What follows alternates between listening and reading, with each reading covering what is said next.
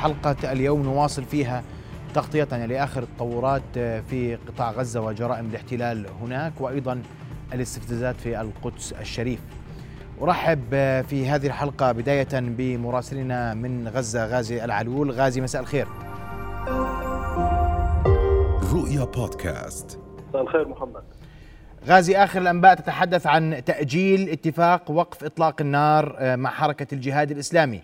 هل من معلومات حول هذا الموضوع؟ نعم محمد على ما يبدو أن غزة فرض عليها أن تواصل هذه المعركة إن إنجاز لي التعبير هو معركة يعني تكافؤ القوى وهذا غير وارد حقيقة في الميدان الآن. بالنظر إلى أن الاحتلال يشن غارات عشوائية دعني أصفها في أكثر من منطقة منذ ساعة من الآن. ارتقى على أحد عشر شهيدا تسعة منهم من الأطفال ما بين 13 عاما إلى أربعة أعوام أصغرهم. ومناظر فظيعة رأيناها وتبعناها خلال الدقائق الماضية. وقف إطلاق النار مرهون بشروط محمد، الشروط التي وضعتها الجهاد الإسلامي متعلقة بأمرين أساسيين، الأمر الأول هو وقف إطلاق النار ورفع الحصار ولو بشكل جزئي أي فتح المعابر على المغلقة عن قطاع غزة، الأمر الثاني متعلق بالاسرى واتحدث هنا عن بسام السعدي وأيضا عواوده. الاحتلال يرفض إعطاء ضمانات بهذا بهذا الشأن والجانب المصري الوسيط المصري غير قادر على الحصول على ضمانات. هذا ما أدى لتعثر سبل التهدئة التي كان من المفترض أن نكون قد أمضينا نصف ساعة منها إذ كان من المقرر أن تدخل حيز التنفيذ عند الساعة الثامنة. ميدانيا رشقات المقاومة خلال الساعات الماضية بالعشرات كانت قد خرجت من قطاع غزة صوب الأراضي المحتلة حيث دوت صافرات الإنذار في تل أبيب وفي يافا وكذلك في محيط غلاف غزة وعسقلان. نتيجة ذلك وصلت بعض الإصابات ودوت صافرات الإنذار في الداخل المحتل. هذه المؤشرات تؤكد بأن المرحلة المقبلة إذا ما كان هناك تعثر مستمر لكل سبل الوصول إلى تهدئة هذا يعني أننا أمام أيام من جولة التصعيد الحالية التي للأسف تزيد من أعداد الشهداء وويلات الغزيين هنا. غازي الحديث عن أن الوساطة المصرية لا تزال تبحث عن مخارج لهذا التصعيد هل هي قائمة هل لا يزال الوسيط المصري يسعى لوقف العمليات العسكرية ومن الأكثر تزمتا تجاه التهدئة الجهاد الإسلامي أم الاحتلال؟ نعم محمد نتحدث عن طرف معتدي وطرف معتدى عليه، الجهاد الإسلامي اغتيل منه قادته الذين كفل لهم القانون الدولي المقاومة. فمن حق الجهاد الإسلامي والفصائل الفلسطينية التي تدافع عن شعب أعزل أن تفرض شروطها في هذه الجولة. بالتالي من حق المقاومة الفلسطينية أن تتمسك بشروطها حتى وإن يعني تعثرت قليلا مفاوضات التهدئة، الجانب الإسرائيلي هو من يعرقل هذه العملية، هو من يعرقل الوصول إلى حل، لأنه لا يريد أن يخسر ما يدعي أنه حققه خلال الأيام الماضية باستهدافه قادة الجهاد الإسلامي وفرض حالة من الرعب داخل قطاع غزة، هذا هذا أمر واضح بشكل بشكل بشكل كبير، كذلك الجانب المصري وصل ظهر اليوم حازم إمام وهو العميد في المخابرات المصرية للبحث مع الفصائل الفلسطينية هنا في غزة. قبل السابعة كان وفدا مصريا أيضا جاء عبر منفذ بيت حنون إيرز دخل للقطاع لتناول الشروط التي تحدث فيها الجهاد الإسلامي وحاول يعني فرضها على الاحتلال حاولوا أن يصلوا لصيغة تفاهم ولكن على ما يبدو وفق الأخبار الواردة بأن هذا الأمر قد يستغرق بعضا من الوقت. بالتالي نحن أمام مزيد من الشهداء وأمام مزيد من الإصابات التي تدمي القلوب هنا في قطاع غزة ويبدو أننا أمام ليلة صعبة طيب غازي ألا يزال هل هل لا تزال بيانات المقاومة تصدر عن غرفة العمليات المشتركة؟ كل ما يصدر هو متعلق بالجهد الميداني المقاوم على سبيل المثال قبل دقائق سرايا القدس أعلنت إطلاق رشقات صاروخية باتجاه تل أبيب، كذلك كتاب شهداء الأقصى من قبلها أعلنت استهداف الغلاف. ألوية ناصر صلاح الدين خرجت ببيان تقول فيه إنها استهدفت غلاف غزة بقذائف الهاون قصيرة المدى. هذا فقط ما ينشر. على المستوى السياسي ما يخرج من الكوادر السياسية للفصائل أن المقاومة الفلسطينية مستمرة إذا ما استمر الاحتلال بهجماته وعدوانه على قطاع غزة وأن المطلب أو المطالب والشروط التي تحاول المقاومة الفلسطينية والفصائل وضعها على الطاولة وفرضها على الاحتلال هي أمر لابد من تحقيقه وباعتقادي الشخصي إن كنت يعني تسألني عليه فإننا أمام ساعات قليلة، هذا ما أتمناه وهذا ما أعتقده أننا أمام ساعات قليلة حتى نصل إلى صيغة تفاهم نعم. لوقت إطلاق غازي لم يصدر حتى اللحظة عن كتائب القسام الجناح العسكري لحركة حماس أي بيانات فيما يخص هذه المعركة. نعم. هل من جديد تجاه موقف القسام وحماس مما يحدث؟ نعم محمد اعلاميا لم يصدر شيء أنا هنا في الميدان وأعتقد رغم حالة الضبابية وحالة التساؤل في الشارع الفلسطيني لماذا لم يتدخل القسام؟ هناك أسباب في حقيقة الأمر لعدم تدخل القسام. ما طبيعة الأهداف التي يريد القسام تحقيقها؟ الجهاد الإسلامي له أسبابه. اعتقال بسام السعدي كذلك الجرائم المرتكبة بحق المجاهدين والمقاتلين في كتيبة جنين. هذه أسباب تدفعهم لأن يكونوا مطالبين برد فعل حقيقي تجاه الاحتلال. كذلك لا يمكن أن ننسى بأن الاحتلال هو من بدأ هذه الجولة وهذا التصعيد. لذلك باعتقادي ولست خبيرا عسكريا ولكن لا تريد أو لا يريد القسام الذهاب لمواجهة هو لم يبدأها على غرار مواجهة سيف القدس في مايو من العام الماضي لأن زمام المبادرة في حقيقة الأمر على في في, في الميدان هي هي للاحتلال الذي اغتال أكثر من قيادي في حركة الجهاد الإسلامي. أتحدث عن خالد منصور قائد لواء الجنوب وكذلك تيسير الجعبري في قائد لواء الشمال. ضربات قوية بالنسبة للمقاومة. بالتالي موقف الفصائل أو موقف حماس بالتحديد اعلاميا غير ظاهرة لم يخرج القسام بأي بيان واضح أو تصريح ولكن ما أؤكده لك أن كل الفصائل الفلسطينية حاضرة وتعمل وفق استراتيجية متعلقة بالغرفة المشتركة حتى وإن لم يكن هناك إعلان رسمي عن ذلك. نعم. أشكرك كل الشكر مراسلنا في قطاع غزة غازي العلول كنت معنا مباشرة عبر الهاتف أنتقل مباشرة إلى حافظ أبو صبر من رام الله حافظ مساء الخير. آخر تطورات لديك حافظ.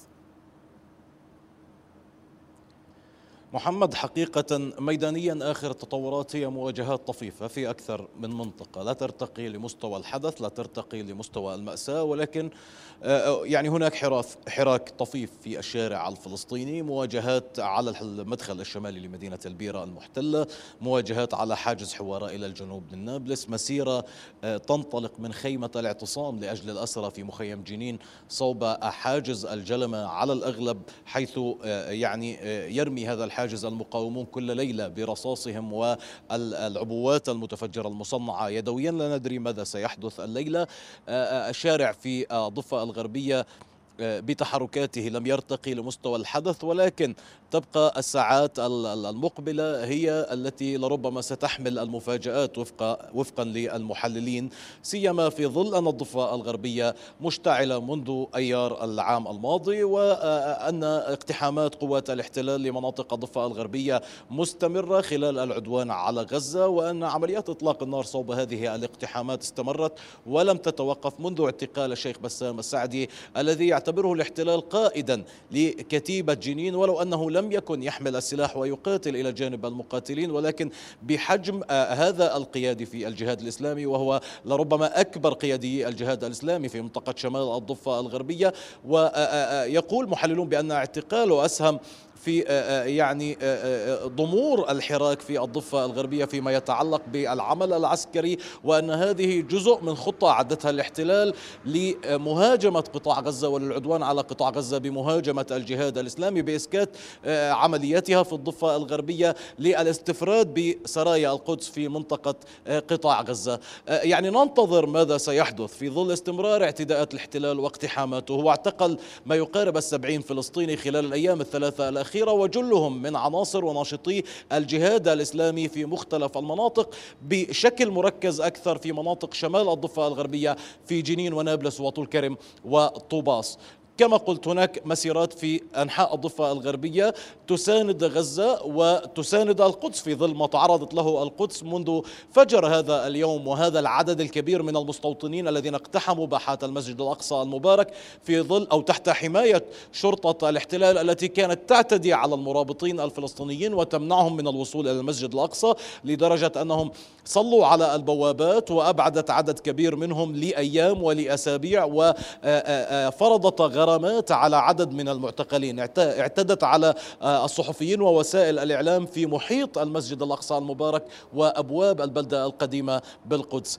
بالإضافة إلى القدس والضفة الغربية هناك حراك شعبي في الداخل المحتل. هناك تظاهرة في طمرة في الطيبة في حيفا وهناك تكبيرات على وقع صواريخ المقاومة التي وصلت إلى يافا المحتلة. هذه المدينة التي يسميها الاحتلال بالمختلطة وتشهد أغلبية من الفلسطينيين الصامدين منذ النكبة هناك في يافا المحتلة.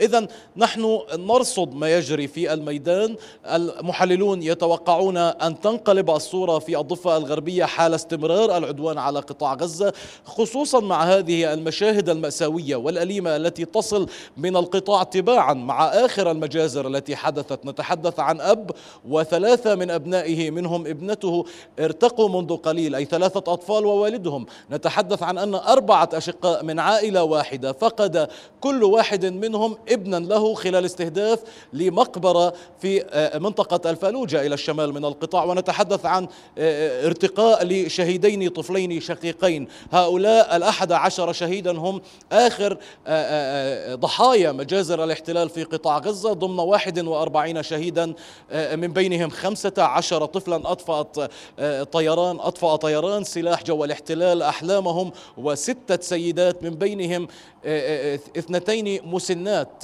وقصص إنسانية تصل إلى الضفة الغربية لربما تثيرها حال استمر العدوان على قطاع غزة وتكون الصورة مشابهة لما حدث في أيار من العام الماضي وعملية سيف القدس التي تقول المقاومة إلى الآن بأنه لم يغمد سواء في قطاع غزة أو في الضفة الغربية. هذا ما تخشاه دولة لكن حافظ اليوم اليوم في القدس هل كان اسمح لي حافظ. في القدس اليوم ما شهده ما شهدته القدس اليوم من اقتحامات ورد الفعل الفلسطيني تجاه هذه الاقتحامات. ما وجهة النظر الفلسطينية تجاه ما حدث في القدس اليوم؟ يعني آه، على الصعيد الشعبي كان هناك حالة كبيرة من المساندة للأهالي في القدس ولكن هذه الحالة لم تنتقل من مواقع التواصل الاجتماعي إلى الميدان. كانت التظاهرات تحت عنوان نصرة للقدس والأقصى ومساندة للإخوان في غزة. ولكن آه، التظاهرات لم ترتقي لمستوى الحدث سواء في المسجد الأقصى المبارك ونتحدث عن مئات لربما تعدى أعداد المقتحمين من المستوطنين ال 2200 ومستوطن واحد آه، فوق فوقهم اقتحموا المسجد الأقصى على فترتين صباحية ومسائية هذا اليوم. هذا رقم كبير جدا. هم يحتفون بما يسمى بعيد خراب الهيكل وأدوا من جديد الصلوات آه، آه، التلمودية والسجود الملحمي في باحات المسجد الأقصى وفي محيط أبوابه وهذا ينذر بخطر كبير وفقا لكل المحللين والمعنيين بالشؤون المقدسية الذين يقولون بأن الاحتلال ماض في إجراءاته نحو حماية المستوطنين الذين يسعون لفرض التقسيم الزماني والمكاني للمسجد الأقصى المبارك من خلال هذه الحكومات اليمينية المتطرفة سواء الحكومة البديلة التي يرأسها يائير لبيد أو الحكومة المقبلة والتي من المتوقع أن تعود بنتنياهو الذي يتوج نفسه كملك لإسرائيل منذ أن تسلم رئاسة الوزراء آه، عام 2009 إلى أن خرج من الحكومة ويسعى للعودة إليها من جديد. الأمور في الضفة الغربية هادئة أكثر مما كانت عليه قبيل العدوان على غزة ولكن هذا بحسب اعتقاد المحللين هدوء حذر في ظل استمرار عمليات الاحتلال العسكرية والتي يعني يجمعها ككل ضمن عملية كاسر الأمواج التي تستهدف المقاومة المسلحة في الضفة الغربية سيما في جنين ونابلس. ولا ننسى عمليات الاغتيال التي قام بها منذ آذار في نابلس ومن ثم في جنين وفي مخيم جنين وبعد ذلك في نابلس مؤخرا في حي الياسمين في البلدة القديمة في نابلس المحتلة. إذا ننتظر ما ستفرزه الساعات المقبلة حال استمر العدوان لربما تثور الضفة الغربية بشكل أكبر ميدانيا ولربما يكبر الموقف الرسمي الفلسطيني ويرتقي لمستوى الكارثة التي يعانيها الفلسطينيون في غزة في ظل الحديث عن استنكار وشجب وتنديد فقط وأن الرئيس الفلسطيني محمود عباس يقود حراكا دبلوماسيا للضغط على المجتمع الدولي للإجبار أو لإجبار الاحتلال على وقف عدوانها بحق المدنيين في قطاع غزة وأن وزارة الخارجية تقود ذات العدوان وهذا تبلور من خلال خمس دول في مجلس الأمن. آه، يعني طلبت عقد جلسة سرية يوم غد الاثنين لأجل بحث العدوان الإسرائيلي على قطاع غزة وهذا تبلور من خلال إجراءات تتعلق بالجانب الإنساني ودور وزارة الصحة بالتعاون مع منظمات دولية للضغط على الاحتلال في إدخال المساعدات الطبية والصحية نعم. وتجهيزات المستشفيات في ظل معاناة القطاع الصحي هناك في القطاع. نعم. حافظ أبو صبره كنت معنا مباشرة من رام الله آه، كل الشكر آه، لك. مشاهدينا بعد فاصل قصير سنواصل هذه الحلقة التي نخصصها لمتابعة الأحداث في غزة والقدس. فاصل ونواصل ابقوا معنا.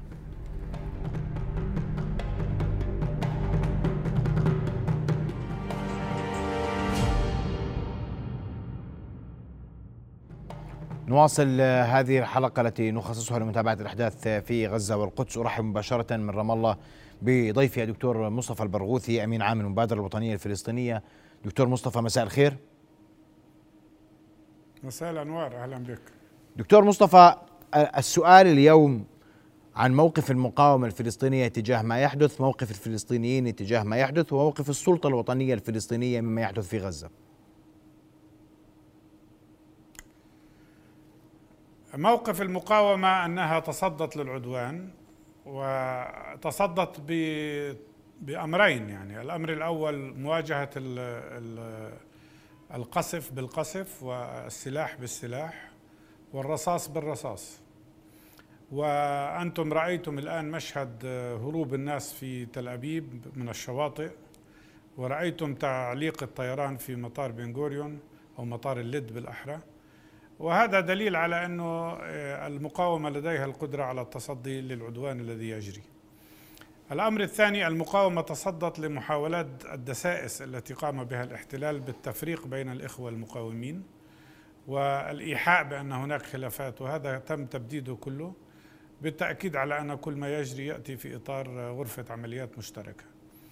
وبالتالي محاولات الدس والوقيعة لم تمر ولا يجب أن تمر ولا يجب إعلاميا السماح لها بأن تتسلل إلينا. آه، على صعيد الشعب الفلسطيني نحن قبل قليل كنا في تظاهرة شعبية كبيرة في رام الله وجرى أيضا اشتباك مع جيش الاحتلال مقابل مستعمرة بيت إيل. وأصيب أحد الشباب بالرصاص الحي لأن جيش الاحتلال أطلق الرصاص الحي فورا على المتظاهرين. وهناك هبة شعبية في كل أنحاء فلسطين سواء في الداخل أو في آه، في في في كفر ياسيف في حيفا في يافا في النقب آه، في الناصرة في كل الأماكن وفي مناطق الضفة الغربية بكاملها. وطبعا اليوم شهدنا مواجهات بين شعبنا وأبنائنا في القدس مع المستعمرين المستوطنين في ساحات المسجد الأقصى. آه، إذا الشعب كله ملتف حول المقاومة ومتكاتف حول المقاومة.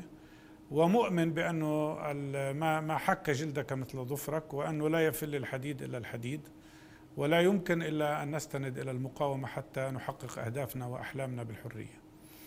على الصعيد الرسمي الفلسطيني أعتقد أنه آه، طبعا هناك المواقف المعلنة الرسمية والجهود السياسية والدبلوماسية ولكن أنا أظن أنه آن الأوان لأن تجري مراجعة شاملة وأن يطبق ما نطالب به منذ سنوات وهو التخلي عن أوهام الحلول مع إسرائيل والتخلي عن أوهام التفاوض معها والتخلي عن عن آه، سراب إمكانية أن تتدخل الولايات المتحدة. اليوم رأينا موقف أو بالأسبوع هذا رأينا موقف الولايات المتحدة وبريطانيا يشجع المعتدي ويقف إلى جانبه ويقول أنه من حقه أن يدافع عن نفسه وهو يهجم علينا.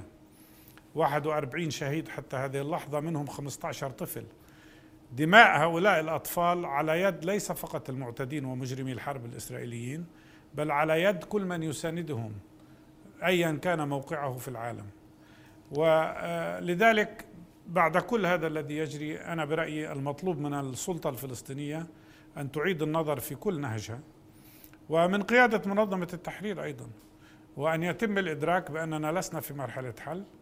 ولا ليس لدى الإسرائيليين أي استعداد أو تقبل لفكرة الحل الوسط التي بني بني اتفاق أوسلو على أساسها. وآن الأوان أن نتوحد جميعا كفلسطينيين في قيادة موحدة على أساس برنامج وطني كفاحي مقاوم لتغيير ميزان القوى لصالح الشعب الفلسطيني. لكن دكتور مصطفى اسمح لي اليوم هناك من ينظر اسمح لي دكتور مصطفى. هناك من ينظر إلى ما يحدث في غزة وكأن الاحتلال نجح في تفكيك وحدة صف المقاومة هناك. تتفق مع ذلك أم تختلف؟ لا لا لم ينجح. يحاول أن ينجح.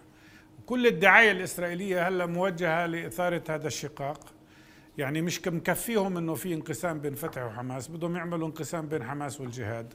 وبعدين بجوز بدهم انقسام جوا فتح وانقسام داخل حماس وانقسام داخل كل واحد فينا. هذه نهج إسرائيل. نهج إسرائيل قائم على مبدئين التجزئة والتقسيم لإضعافنا جميعا والهدف الثاني إشعار الناس بالإحباط واليأس. ومحاولة تكريس انطباع بأن هناك انفصام بين حماس والجهاد هي محاولة لتحقيق الهدفين معا تحقيق الانقسام وفي نفس الوقت آه، إشعار الفلسطينيين بأنهم ميؤ... أن الوضع ميؤوس منه ولا مجال لتغيير الواقع. أنا ما سمعتش حدا من الجهاد احتج. واللي بنسمعه إنه في توافق بين كل القوى المقاومة. وقوى المقاومة متفقة على أنه ليست إسرائيل هي التي تحدد مسار المعركة ومسار ردود الأفعال الفلسطينية. آه، ومن غير المسموح لإسرائيل أن يسمح لإسرائيل بتحقيق إنجاز فشلت في تحقيقه في العدوان الماضي في آه، والذي يعني رأيناه في سيف معركة سيف القدس حيث فشل العسكريون الإسرائيليون في تحقيق أهدافهم. حتى هذه اللحظة الشيء الوحيد الذي حققوه آه، نزيف الدم الفلسطيني والضحايا التي سقطت برصاص هذا الاحتلال وصواريخه ومعظمهم من المدنيين وحوالي نصفهم من الأطفال والنساء. ولكن الأهداف العسكرية لم تتحقق. صحيح أن اثنين من قادة الجهاد استشهد وكل مناضل يعرف أنه روحه على كفه وهو معرض للشهادة ولكن ليس كما قال المحتلين المحتلون إنه صفوا قيادة الجهاد. لو صفوا قيادة الجهاد كان الصواريخ بتنزلش اليوم في تل أبيب وفي مطار بن غوريون. والذي يجري الآن في هذه اللحظات حتى في موضوع التهدئة يشير إلى إنه مش إسرائيل اللي بتقرر المسار لحالها. وأنا برأيي كل العملية هاي العسكرية بدأت بهدف محدد ضرب المقاومة في الضفة الغربية. ويعني محاولة آه، دع جعل غزة تدفع ثمن أن في مقاومة في الضفة الغربية. هذا فشل ولن ينجح. وليست صدفة أنهم قاموا باعتقال الشيخ السعدي. الشيخ السعدي يعني ليس مسؤولا عن عمليات يعني عسكرية هذا معروف. لكن هم اعتقلوه لأنه كان رجل وحدة وطنية. وساهم بشكل رائع وأولي في تحقيق وحدة وطنية في داخل مخيم جنين انعكست على جنين كلها. لم الصف الفلسطيني. هذا أكثر ما يقلق الاحتلال. أن يروا الجميع معا في صف واحد ولا يروا الانقسام ينعكس على سلوكهم. وهذا شفناه في نابلس وشفناه في في في جنين وشفناه هذيك اليوم في مسيرتنا في المغير عندما جاء المستوطنون والجيش وأطلقوا الرصاص الحي على المتظاهرين. وحدة الجميع موحد ولا يرفع إلا علم واحد علم فلسطين. مش علم الفصائل علم فلسطين. حتى الشهداء الآن يوصون أن لا ترفع في جنازاتهم أعلام إلا علم فلسطين. هاي الوحدة هي ما يخشاها الاحتلال ولذلك يركز على فكرة أنه في انقسام وفي محاولة لتكريس هذا الانقسام. نعم سأعود لك دكتور مصطفى. أرحب بالكاتب والمحلل السياسي الأستاذ راسم عبيدات معنا مباشرة من القدس وأود أن أسمع وجهة نظرك أستاذ راسم بما حدث في القدس اليوم.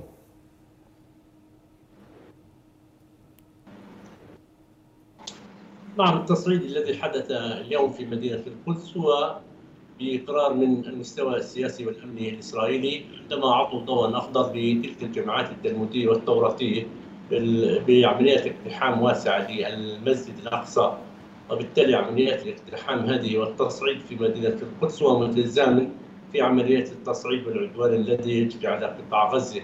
الاحتلال كان يعتقد بأن الانشغال في جبهة غزة هو سيوفر له الغطاء من أجل القيام بأوسع عمليات الاقتحام وممارسة البلطجة والعربدة بحق المقدسين وبحق المسجد الأقصى وأداء الطقوس التلمودية والتوراتية وبما في ذلك السجود الملحمي في وقائع التقسيم الزماني والمكاني في المسجد الأقصى. ولذلك شهدنا حالة من التوحش والتغول غير المسبوقين من قبل الجيش وشرطة الاحتلال في التعامل مع المعتكفين والمرابطين والمصلين والمواطنين الذين كانوا يتصدون لتلك الجماعات التلمودية والتوراتية التي تستبيح المسجد الأقصى.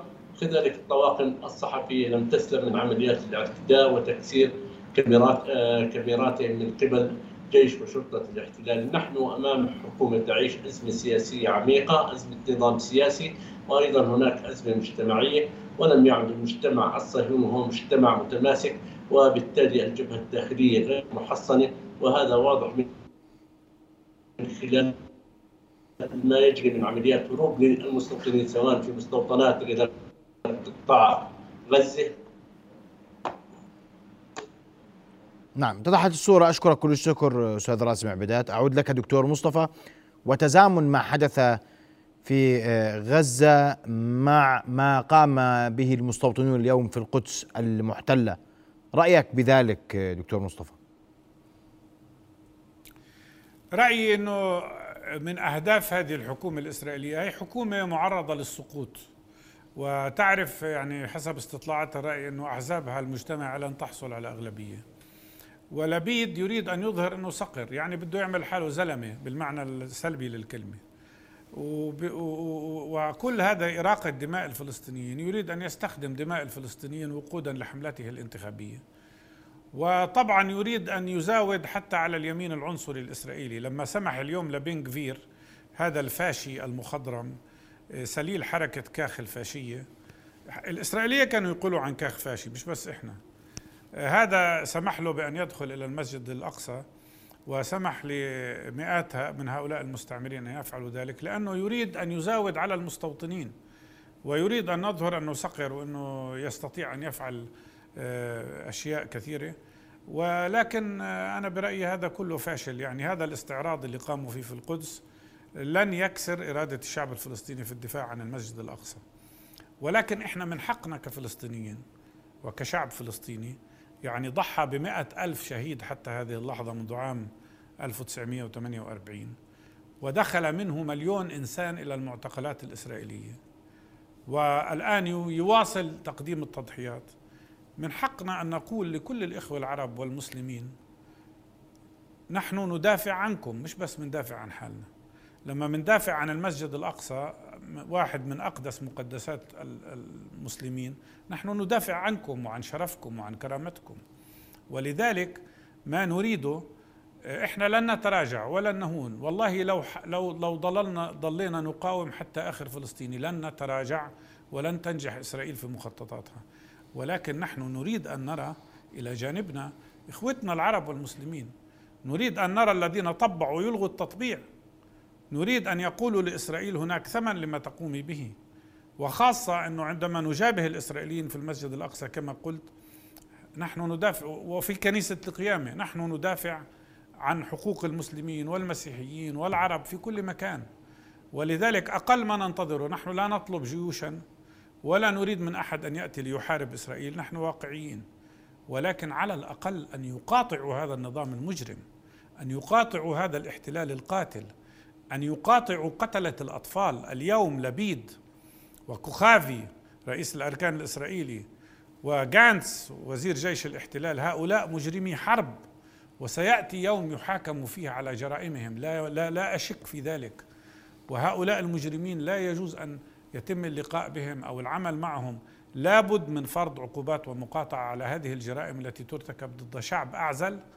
ضد ناس محاصرين في قطاع غزة. تخيل أنت مليونين ومئة ألف إنسان مقطوعة عنهم الكهرباء مقطوعة عنهم المياه مقطوعة عنهم الأدوية مقطوعة أدوية السرطان عن مرضى السرطان محاصرين برا وبحرا وجوا. ثم تأتي القاذفات القنابل لتلقي القنابل عليهم والصواريخ. كيف يمكن أن يقبل ذلك؟ وأنا متأكد كل بيت عربي الآن يشعر بالألم وكل من يشاهدنا ويسمعنا يشعر بالألم. ولكن نحن يريد أن يتحول هذا الألم إلى فعل فعلي قوي يساند هذه المقاومة الباسلة التي يضحي فيها الفلسطينيون بالغالي والنفيس. نعم سأعود لك دكتور مصطفى للحديث عن جهود التهدئة وجهة نظرك بما يحدث في هذا الملف وسيكون أيضا معنا الأستاذ طارق سلمي المتحدث باسم حركة الجهاد الإسلامي وأيضا الكاتب والمحلل السياسي من مصر الأستاذ أشرف راضي فاصل ومن ثم نواصل. ابقوا معنا.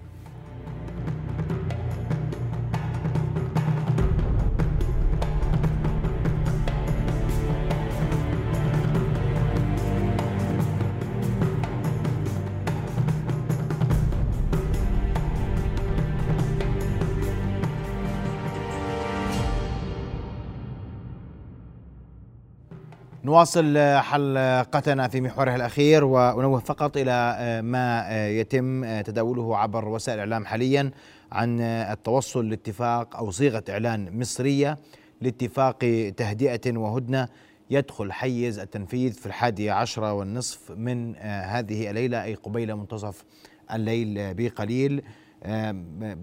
دكتور مصطفى البرغوثي يبدو التوصل لاتفاق تم. والسؤال عن دور الجانب المصري في كل ذلك ودور مصر في كل ما حدث في غزة اليوم. مشكورين الإخوة في مصر على جهودهم وبالمناسبة الجانب الإسرائيلي خدع الجانب المصري قبل أن تبدأ هذه المعركة. يعني كانت هناك جهود تتم وكان ممكن تجرب كل تجنب كل هذه المعركة ولكن الإسرائيليين كانوا يخططوا لتوجيه ضربة إلى قطاع غزة وحاولوا مرارا وتكرارا أن يستفزوا الفلسطينيين ليأخذوا ذريعة ولم يستطيعوا ثم شنوا هجومهم بشكل واضح ووقح. آه، لكن في نهاية المطاف آه، ما جرى آه، يعني أنه الوسيط المصري واصل جهوده والآن تم التوصل على اتفاق على حسب مع تلبية شروط حركة الجهاد الإسلامي. يعني إسرائيل حاولت أن تتملص من قضية محددة تتعلق بالأسرة والجانب المصري تعهد بأنه سيعمل على سيواصل العمل من أجل حرية هؤلاء الأسرى ومنهم الشيخ السعدي. وموضوع الأخ خليل عواودة اللي حياته معرضة للخطر بعد إضراب عن الطعام عن زاد عن 140 يوما. فبالتالي آه، لم تحقق إسرائيل أهدافها. آه، أنا برأيي آه، ما جرى اليوم يؤكد أن إسرائيل فشلت.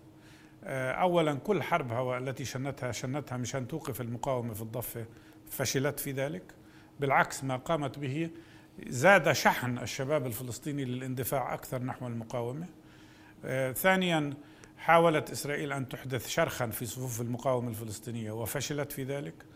وثالثا حاولت أن تلحق خسائر كبيرة بالمنظومة القيادية للجهاد الإسلامي، صحيح أنها نجحت في آه، في في قتل واستشهاد شهيدين آه، الأخ الجعبري و منصور ولكن لم تستطع أن تحقق أهدافها وأهم شيء أنها لم توقف آه، رد الفعل. يعني آه، عندما يعني قبل الساعة الثامنة عند أو بالضبط بعد الساعة الثامنة ما رأينا ما حدث تعطل الطيران بشكل كامل في مطار الليد ورأينا ما حدث في يافا ومنطقة تل أبيب. اذا إسرائيل فشلت في الواقع. هاي المعركة كلها وأنا برأيي هاي الحكومة اللي حاولت أن تستخدم هاي المعركة لتحصل على أصوات انتخابية ستبدأ الآن محاسبتها. وبدأوا الوزراء الإسرائيليين يتنصلوا. قبل شوي وزير الصحة أعلن أنه هو ما تشاورش في هاي المعركة وإنه ما كانش مت... وإنه ما كان إنه لبيد لم يكن يفهم شو ممكن تكون نتائجها. وبالتالي أنا برأيي بالمحصله العامه نحن خسرنا 41 شهيد حتى هذه اللحظة وقد نخسر شهداء آخرين قبل حلول ساعة وقف إطلاق النار.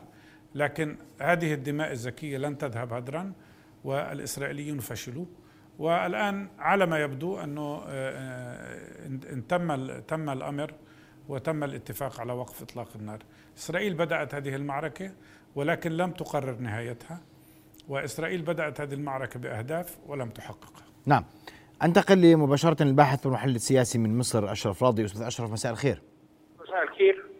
أستاذ أشرف الحديث عن الدوري المصري وأن الاحتلال لم يقم آه، أو آه، وجه رسائل آه، مطمئنة للمصريين قبيل ضربته الجوية ومن ثم اليوم مصر تتكفل بالمفاوضات والتهدئة وبالإفراج عن أسيرين. ما يحدث من وجهة النظر المصرية؟ أعتقد إنه ما يحدث من وجهة النظر المصرية هي السعي بكل الطرق إلى تجنب مثل هذا النوع من المواجهات والتهدئة ثم معالجة المسائل الإنسانية في غزة. أه حدث هذا بعد آخر جولتين من المواجهات أه أعتقد إنه الاتصالات المصرية مع حركه حماس تحديدا اللي هي تدير وتتحكم في قطاع غزة حققت تقدما كبيرا في تثبيت هذه المعادلة تحسين شروط الحياة مقابل التزام حماس بهدنة وعدم التورط في مواجهات مع إسرائيل وهذا يجعل يعني يطرح عدد من التساؤلات حوالين قدرة مصر على التأثير في حركات مثل حركة الجهاد وهل هذا التأثير يتم مباشرة أم يتم بالتنسيق مع حماس؟ اثنين على ما يبدو أن أو ليس هناك تشاور كاف بين حركة الجهاد وبين أي من الأطراف سواء في غزة أو في مصر أو أي طرف آخر فيما يتعلق بالمطالب التي طرحتها والخطاب التصعيدي الذي كان في الحقيقة دافعا اساسيا لتحرك اسرائيل لتجديد الحركة خسائر أكبر الحركة خسرت في اليومين السابقين اثنين اثنين من القاء اثنين من القادة العسكريين الكبار. أعتقد خسرت جزء من البنية التحتية خاصة بالأسلحة والذخائر والصواريخ. أعتقد لو يعني لو كان هناك قدر من التنسيق لربما كان الوضع أفضل. لكن في الحقيقة إسرائيل هي التي دفعت الأمور إلى هذا الحد. ولكن ساعدت التصريحات المتشددة أو تسلق شجرة عاليا يعني في حد على حد قول المراقبين والمحللين من قبل حركة الجهاد وسرايا القدس آه ساعدت يعني إسرائيل أو سهلت لإسرائيل هذه المهمة في تحقيق عدد من الأغراء الأهداف. التحرك المصري يعني كلما كان هناك إمكانية لتوفير مزيد من الخسائر البشرية أو الخسائر المادية كلما كان أفضل آه إلى أن يتم التوصل إلى صيغ أكثر آه استقرارا اوضاع قطاع آه الوساطة المصرية لم تيأس في الحقيقة رغم أنه يعني يعني أجهضتها إسرائيل قبل بدء العملية ثم أجهضتها حركة الجهاد عندما أعلن عن ترتيب للهدنة وخرج مسؤول من حركة الجهاد يعلن أنه لم يتم التوصل إلى شيء. وهذا لم يثني الدبلوماسية المصرية والقيادات المخابرات والقيادات الوسيطة في مسألة التهدئة في غزة. عن مساعيهم في الحقيقة هذا أمر يحسب تقديري إلى مصر إلى التصور المصري أو حدود التصور المصري العام في هذه المرحلة من المواجهة وخصوصا مسألة توفير الخسائر البشرية والمادية نعم. وتحسين الشعوب للفلسطينيين في قطاع نعم. الباحث والمحلل السياسي من مصر مباشرة الأستاذ أشرف راضي أشكرك كل الشكر. غازي العلول مباشرة نعود إليك من غزة. غازي الحديث عن هدنة الحادية عشر والنصف من هذه الليلة واتفاق أو صيغة إعلان لهدنة برعاية مصرية. نعم محمد آه، هذا ما تم آه، تأكيده من قبل آه، أعضاء في المكتب السياسي وقادة في الجهاد الإسلامي. الأمر تم وفق رعاية مصرية تكفلت بالإفراج عن الأسير بسام السعدي خلال أسبوعين. وكذلك نقل الأسير عوودة إلى المستشفى لتلقي العلاج مع ضمانات بإنهاء اعتقاله الإداري بالإضافة إلى إدخال الوقود مباشرة إلى قطاع غزة صباح غدا وكذلك آه، آه، يعني محاولة آه، لتخفيف الحصار عن قطاع غزة. هذه هي الشروط التي فرضتها الجهاد الإسلامي والفصائل الفلسطينية في قطاع غزة. بعد قليل سيصدر بيان خاص بنص التهدئة ونص الاتفاق ما بين المقاومة الفلسطينية والجانب الاحتلال الإسرائيلي برعاية مصرية. هذا الأمر تم بعدما كنا ذاهبين إلى تصعيد الأمور ولكن على ما يبدو أن الاحتلال في النهاية رضخ لشروط المقاومة آه، آه، بشكل آه، جزئي غازي الحديث عن إدخال وقود تخفيف حصار التكفل المصريين بخروج أسرى خلال أسبوعين وتحويل أسير مضرب إلى عن الطعام إلى المستشفى. هل من شروط أخرى وردت؟ هل من شروط على الجهاد الإسلامي تجاه الاحتلال؟ محمد هذا ما وردنا وهذا ما تأكدنا منه. هذه الشروط التي فرضتها الجهاد في البداية وهو ما تم الاتفاق عليه مع رفقة تعديل بسيط هو أن تضمن مصر خروج بسام السعدي خلال أسبوعين. الجانب الإسرائيلي والإعلام إعلام الاحتلال الإسرائيلي يؤكد أن قادة الاحتلال الإسرائيلي يرفضون تماما إضافة أي شروط وعلى ما يبدو أن الأمر انتهى بدون إضافة أي شروط في نص الاتفاق الذي سيصدر بعد قليل عن الجانب المصري ونترقب تفاصيله في حقيقة الأمر. هذا الأمر دعني أقول أنه جاء بعد يعني حالة من التشاؤم سيطرت على الشارع الفلسطيني بعد فشل المباحثات والمفاوضات خلال الساعات أو الساعتين الماضيتين. كان الشارع الفلسطيني ينتظر أن تنتهي هذه الحرب. أو هذا التصعيد عند الساعة الثامنة ولكن الآن سيتأجل إلى الساعة الحادية عشر والنصف.